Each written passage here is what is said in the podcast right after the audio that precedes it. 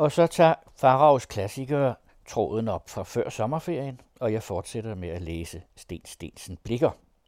Denne gang begynder jeg på den store novelle Brudstykker af en landsbydegns dagbog fra 1824. Vi følger den unge dreng Morten Vinge gennem hans dagbog. Føvlum den 1. januar 1708 Gud skænker os alle et glædeligt nytår og bevar vor gode herr Søren. Han slukkede lyset i aftes, og mor siger, at han lever ikke til næste nytår. Men det har vel intet at betyde. Det var ellers en fornøjelig aften. Da herr Søren tog sin hue af efter måltidet og sagde, som han plejer, Agamus gratias, pegte han på mig i stedet for Jens. Det var første gang, jeg læste vores latinske bordbøn.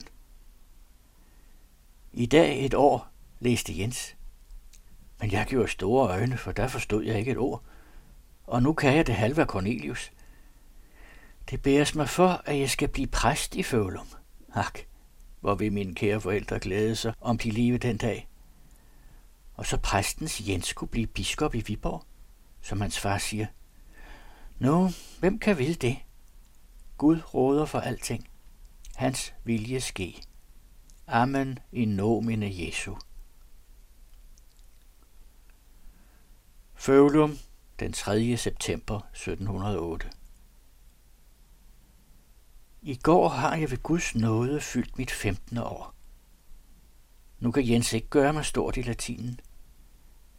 Hjemme er jeg flittigere end han. Jeg læser, mens han løber i marken med Per Skytte. På den måde bliver han vel ikke bisp. Den stakkels er Søren. Han ser det nok. Tårerne står ham i øjnene, når han samtidig siger til ham, Mi fili, otium est pulvinar diaboli. Det betyder ledigang af djævelens hovedpude. Til nytår begynder vi på græsk. Herr Søren har givet mig et græsk testamente. Ja, det er ikke nogen underlige krav til. Det er som slibesten endnu for dine øjne sagde han venligt til mig og knep mig i øret, som han altid gør, når han er fornøjet. Men hilde mænd, hvor vil han se, når han hører, at jeg allerede kan læse rask indenad? Følum, Die St. Martini, 1708. Det er Mortens dag. Det bliver fejl med Jens. Herr Søren var så vred på ham, at han talte dansk til ham hele dagen. Til mig talte han latin. Jeg hørte engang, at han sagde som for sig selv, Velem hunk esse filium meum. Gid, det var ham, der var min søn. Det var mig, han mente. Hvor Jens også hakkede jammerligt i sin sidste år. Jeg ved godt, hvor det kom, for i forgårs, da hans far var til bryllup i Vinge, var han med Per Skytte over i Lindumskov, og Gud bevares. En vildbasse havde revet hans bukser i stykker – han løj for sin mor og sagde, at det var den sjæle tyr, der havde gjort det. Men hun gav ham en dygtig kindhest. Habert. Føvlum, Kalendis januar 1709. Prodolor. Herr Søren er død. Ve me i miserum. Hvilken smerte. Ak, jeg ulykkelig. Da vi havde sat os til bords juleaften, lagde han skeen fra sig og så ret længe ved modet ind på Jens. Frigisti kår meum, du har knust mit hjerte, sagde han sukkende og gik ind i sovekammeret. Ak, han rejste sig aldrig mere. Jeg besøgte ham hver dag siden, og han har givet mig mange gode formaninger og lærdomme. Men nu ser jeg ham aldrig mere. I torsdags så jeg ham sidste gang. Aldrig skal jeg glemme, hvad han sagde, da han havde holdt ret en bevægelig tale til mig. Gud, giv min søn et retskaffent hjerte. Han foldede sine magre hænder og lagde sig tilbage på puden. Pater, in manus tuas comito spiritum meum. Fader, i din hånd overgiver jeg min ånd. Det var hans sidste ord. Da jeg så, at madammen tog forklædet op til øjnene, løb jeg ud ret ille til mode. Uden for døren stod Jens og græd. Sera dat poenas turpi penitentia, Han må sent lide straf med beskæmmende anger, tænkte jeg. Men han faldt om min hals og hulkede. Gud forlade ham hans vildskab.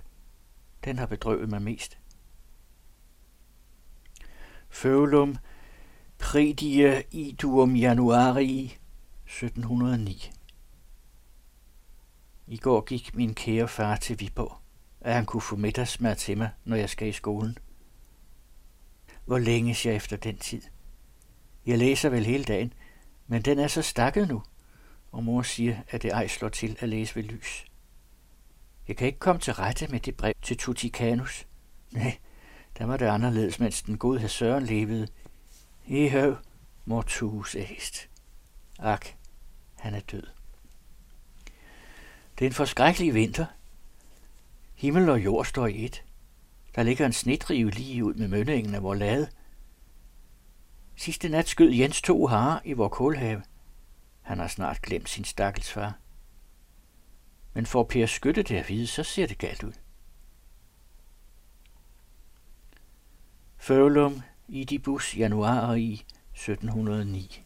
Far er ikke kommet hjem endnu, og vejret er lige slemt. Bare han ikke går vild. Der går Jens op på laden med sin bøsse og nogle fugle i hånden. Han kommer herind. Det var agerhøns, han havde skudt på Mads Massens møding. Han ville have haft mor til at stege dem, men hun turde ikke, for det kunne komme for herskab. Følum, 15. januar. Ak, ak, min kære far er frossen ihjel. Manden i Kokholm har fundet ham i en snedrive og kom kørende med ham.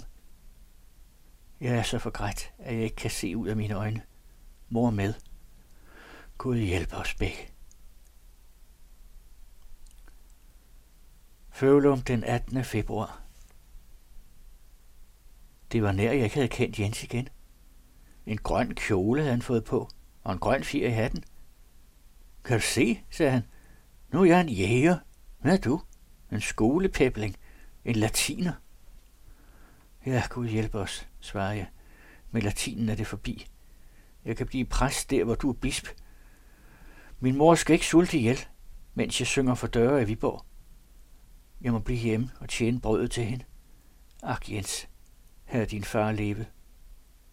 Lad os ikke tale det om, sagde han. Jeg havde så aldrig i mine dage lært latin. Jeg har fandme det dumme tøj. Næh, se, du kunne komme på gården. Der er gode dage og en herlig levemåde. Hvorledes skulle jeg det, svarede jeg. Der vil vi prøve det, råbte han og løb sin vej. Han har dog et godt gemyt, den Jens, men vild og gal er han. For seks uger siden begravede de hans særlige far, og for tre uger siden fulgte hans mor efter. Men nu er det som, det aldrig var ham. Han kan græde den ene time og le den anden. Chile, den 1. maj 1709. Så er der nu tjener hos det noget i herskab. Farvel, præstekald. Farvel, latin. Åh, mine kære bøger. Valete plurimum vendi di libertatem. Jeg siger jeg især farvel. For tolv slet daler. De otte skal min stakkels mor have. Og noget i herren har desforuden lovet hende udvisning, så hun skal hverken sulte eller fryse. Jens har rigtig skaffet mig den tjeneste. Han har meget at sige her på gården. Det er en pokkers Jens, eller snarere en pigernes Jens. Husholdersken stak et stort stykke kage til ham. Mejersken smiskede sig venlig ham. Fruerpigerne lige så. Jeg selv en af de nåede i frøkner og nikkede mildt, da hun gik ham forbi. Det lader til, at han bliver skytte i Pers sted. Det værste er, at han har vendt sig til at bande værre end nogen matros. Chile den 12. maj 1709. Det går mig ret godt, Gud være lovet. Vi har seks tjenere om herren, fruen, junkeren og to frøkner. Jeg har tid nok at læse, og jeg forsømmer heller ikke mine kære bøger. Vel har jeg ingen nytte af dem, men jeg kan alligevel ikke lade det være. I går blev salig her Sørens bøger solgt. Jeg købte for to daler. Jeg fik så mange, jeg kunne bære. Det er blandt en stor håb af Ovidius. En har til titel Ars Amoris. En anden remedium amoris. Det er Ovids kendte værker Elskovskunsten og Middel mod kærlighed. Dem skal jeg først læse, for jeg gad dog vide, hvad de handler om. En gang havde jeg fået fat på dem i herr Sørens studerekammer, men så kom han og snappede dem frem og sagde, Abstine manus, fingrene er fedtefadet. Det er ikke for dig. Chile den 3. juni 1709. Og hvem der bare forstod fransk. Herskabet snakker intet andet, når de spiser, og jeg forstår ikke et ord. I dag talte de om mig, for de så tit hen på mig. En gang havde jeg nær tabt tallerkenen. Jeg stod bag ved frøken Sofies stol.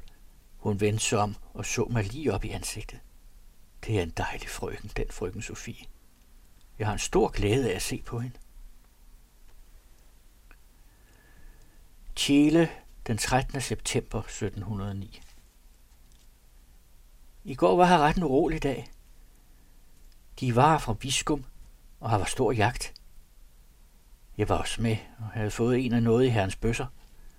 I førstningen gik det godt nok, men så kom der en ulv forbi mig. Jeg havde nær tabt bøssen af forskrækkelse og glemte rent at skyde. Jens stod ved siden af mig og skød ulven. Ah, du er et høvet, sagde han, men jeg skal ikke røbe dig. Straks efter kom noget i herren forbi mig. Du er et fjov, Martin, råbte han.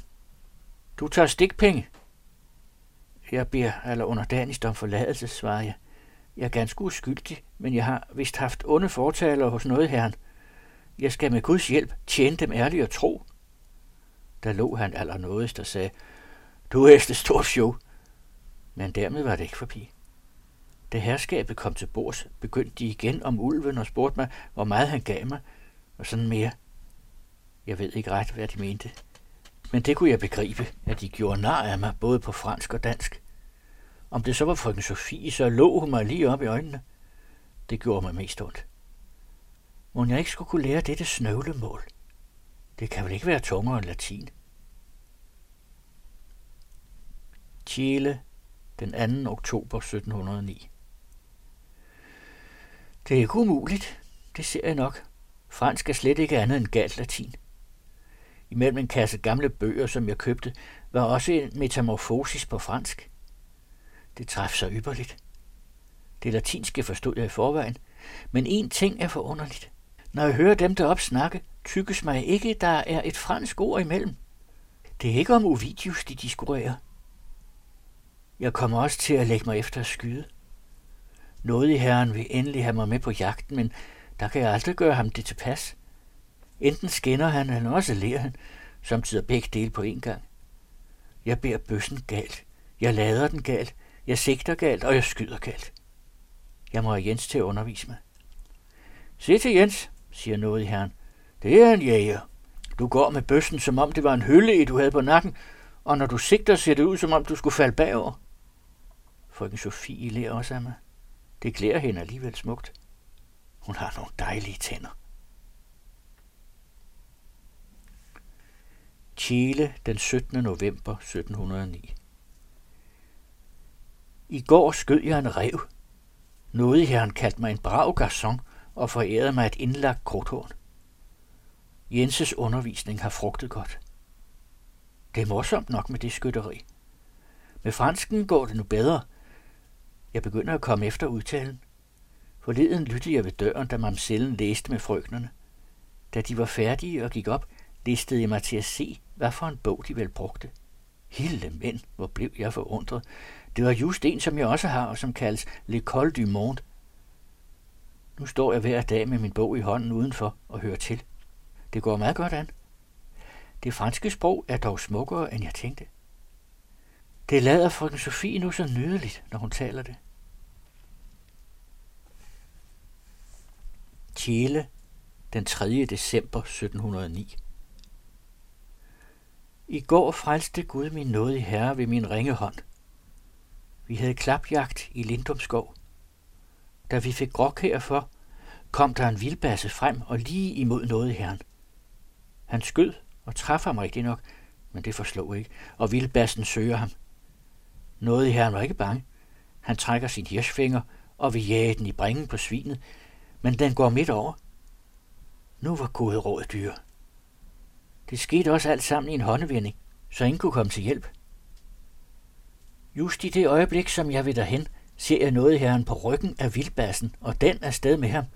Skyd, råber han til ridefoden, som var hans sidemand på venstre, men han turde ikke. Skyd i djævelens skin og ben, råber han til Jens, i det han farer ham forbi. Jenses bøsse klikkede. Nu vendte bassen sig, og lige hen forbi mig. Skyd, Morten, ellers rider bassen med mig til helvede, skreg han. I guds navn, tænkte jeg, holdt ham på bagparten og traf så heldigt, at jeg knuste begge baglårene på dyret. Glad blev jeg, og glad blev vi alle sammen, men mest noget herren. Det var et mesterskud, sagde han. Og behold du nu bøssen, som du bruger så vel. Og hør, sagde han til ridefoden, I er det kælling. Stempel mig den største bøg i skoven til hans gamle mor. Jens kan gå hjem og sætte en bedre sten for hans bøsse. Da vi så kom hjem om aftenen, blev der en spørgen og en fortællen. Noget i herren klappede mig på skulderen, og frøken Sofie smilte så venligt til mig, at mit hjerte sad i min hals.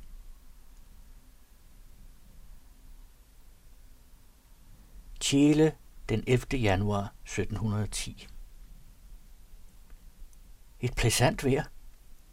Solen står op så rød som en brændende glød. Det ser ret kyrie ud, når den sådan skinner igennem de hvide træer og alle træerne ser ud, som de var pudrede, og grenene hænger rundt omkring ned til jorden.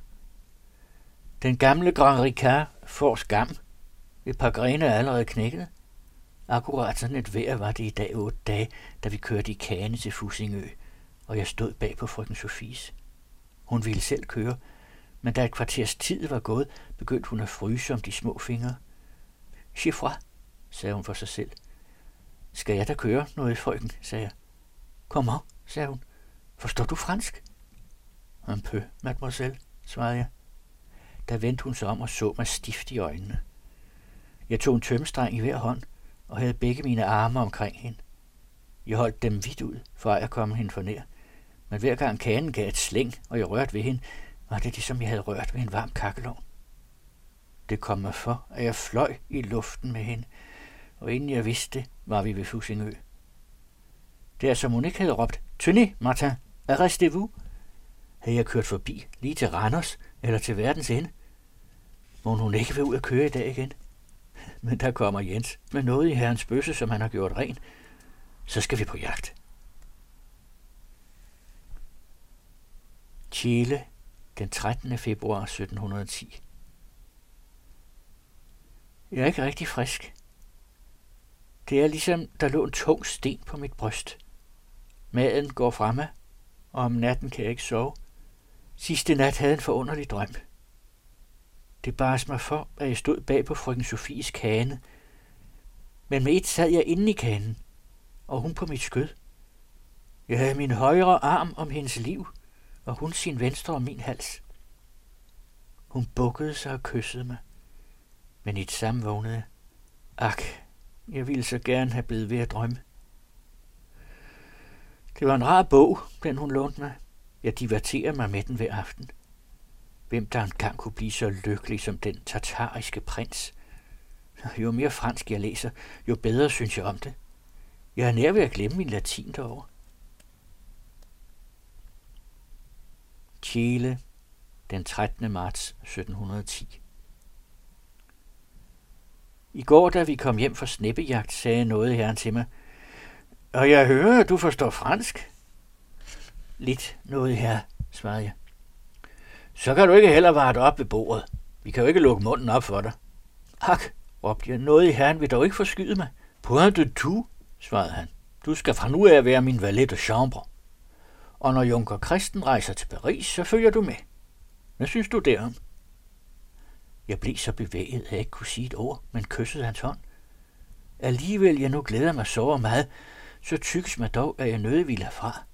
Og jeg tror virkelig, at mit helbred er blevet slettere siden. Chile den 1. maj 1710 Ach, kære elendige menneske. Nu ved jeg, hvad det er, jeg fejler.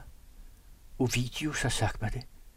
Han har ganske akkurat beskrevet mig min sygdom. Der som jeg ikke tager fejl, så hedder den amor, på dansk kærlighed eller elskov, og den, jeg er charmeret ud i, må uden alt tvivl være frøken Sofie. Ak, jeg arme dårer. Hvad skal det blive til? Jeg må prøve hans remedier af Morris. Nu nyssen så jeg hende stå i gangen og tale meget venligt med Jens. Det skar mig som en kniv i mit hjerte. Det kom mig for, som skulle jeg skyde ham for panden, men så hoppede hun mig forbi med et smil. Jeg var til mode, som når jeg er på klapjagt, og et stykke vildt kommer mig på skud. Mit hjerte klapper mod mine ribben.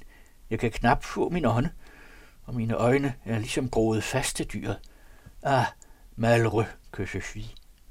Ulykkelig, som jeg er. Chile den 17. juni 1710. Hvor dog gården nu tykkes med øget og kedsommelig. Det nåede i herskab er borte, og kommer først hjem om otte dage. Hvordan skal jeg få ende på den? Jeg har ikke lyst til nogen ting. Min bøsse hænger fuld af støv og rust, og jeg gider ikke gjort den ren. Jeg kan ikke begribe, hvordan Jens og de andre kan være så glade og lystige. De prater og skover, så det giver ekko i ladegården. Jeg sukker som en rørdrum. Ak, frøken Sofie. Gid du var en bondepige. Eller jeg en prins.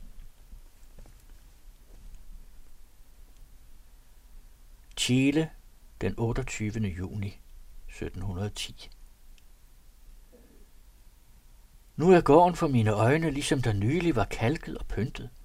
Træerne i haven har fået en dejlig lysegrøn kulør, og alle folk ser så milde ud. Frøken Sofie er kommet hjem igen. Hun kom ind af porten som solen gennem en sky, men alligevel skælvede jeg som et esbeløv. Og det er både godt og ondt at være forlibt. Chile den 4. oktober 1710 En magnifik jagt, vi havde i dag. Krat var indstillet med over 300 klapper. For de var her både fra Viskum og Fusingø med alle deres støver. I dagbrækningen var vi fra Tjæle der allerede. Det var ganske stille i luften, og en tyk tåge bedækkede hele egnen. Kun toppene af bagnehøjene kunne man se ovenover den. Langt borte kunne vi høre de bulrende fodtrin af klapperne og enkelte hundeglam. Nu kommer de fra Viskum, sagde noget i herren. Jeg hører chasseurs hals. Der kommer de også fra Fusingø, sagde Jens. Det er Patrick, som gør. Endnu kunne vi ingenting se for toge, men alt som de kom nærmere, hørte vi vognenes rumlen, hestenes pusten, skytternes snak og latter. Nu kom solen frem, og togen lettede. Der blev det levende på alle kanter. Skovfoderne begyndte allerede at stille klapperne i orden. Man hørte dem viske og tysse på dem, der ville snakke højt, og kæbene kom om sider i bevægelse. Fra vester og sønder kom skytterne kørende, og bagefter vognene med hundene. Deres haler viftede over vognfjellene, og imellem stak der et hoved op, som også straks fik ørefine af jægerdrengene. Nu satte noget i herren selv af langs ned i den lange dal, midt igennem krattet. Da han var færdig, stødte han i sin pibe, og med det samme begyndte hornblæserne et lystigt stykke. Hundene blev koblet af, og det varede ikke længe før de slog an, så en, så to, så det hele kobbel. Hare, ræve og dyr smuttede frem og tilbage på de skovbegroede bakker. Så gik jeg til et skud, og knallene gav ekko langs ned igennem dalen. Klapperne kunne ikke se, men vel høre deres huden og skrigen, når et dyr eller en hare ville bryde igennem. Jeg forsvarede min plads og skød to ræve og en buk inden frokosten. Mens den varede, blev hundene kaldt sammen og koblet op, og hornblæserne spilte, og da det var forbi, gik det atterløs. Se, der holdt to vogne op for enden af dalen, med alle de nådige fruer og frøkner, og imellem dem frøken Sofie. Dette frelste en rev. Mens jeg så derop, smuttede han mig forbi. Et par timer før aften var krattet renset for vildt, og jagten havde ende. Vi fik vist hen ved 30 stykker, og Junker Christen, som havde skudt de fleste ræve, blev beæret med et stykke på Valdhorn. Chile, den 17. december 1710. I går fulgte jeg min kære mor til hendes hvilested. Den nye præst, Gud lønne ham for det, hædrede hendes henført med en ligprægen, som varede i syv kvarter. Hun var mig en god og kærlig mor. Herren giv hende en særlig opstandelse. Tjele den 23. januar 1711 Og en jammerlig vinter. Endnu intet kaneføre. Derefter har jeg ventet lige siden Mortens dag, men forgæves. Regn og blæst, sydlige vinde og trist vejr. I fjor ved denne tid var det, vi kørte til Fusingø, når jeg tænker på den aften. Månen skinnede så blank som sølvtallerken på den blå himmel og kastede vores skygger ved siden af vejen på den hvide sne. Jeg hældede mig imellem således, at min skygge trak ind i frøken Sofies. Der kom det mig for, som vi to var et. En kold vind havde vi lige imod. Den blæste hendes søde ånde tilbage. Jeg slugte den som vin. Ak, jeg dår. Jeg forlipte dår. Hvortil nytte mig alle disse konsiderationer? På søndag rejser jeg til København med Junker Kristen, og der skal vi blive hele sommeren. Jeg tænker, jeg er død inden majdag. Ah, mademoiselle Sophie, adieu, un éternel adieu. I hørte mig, Carsten Farov og Farovs klassikere. Jeg læste begyndelsen på brudstykker af en landsbydans dagbog af Sten Stensen Blikker, og den fortsætter jeg selvfølgelig med i næste uge.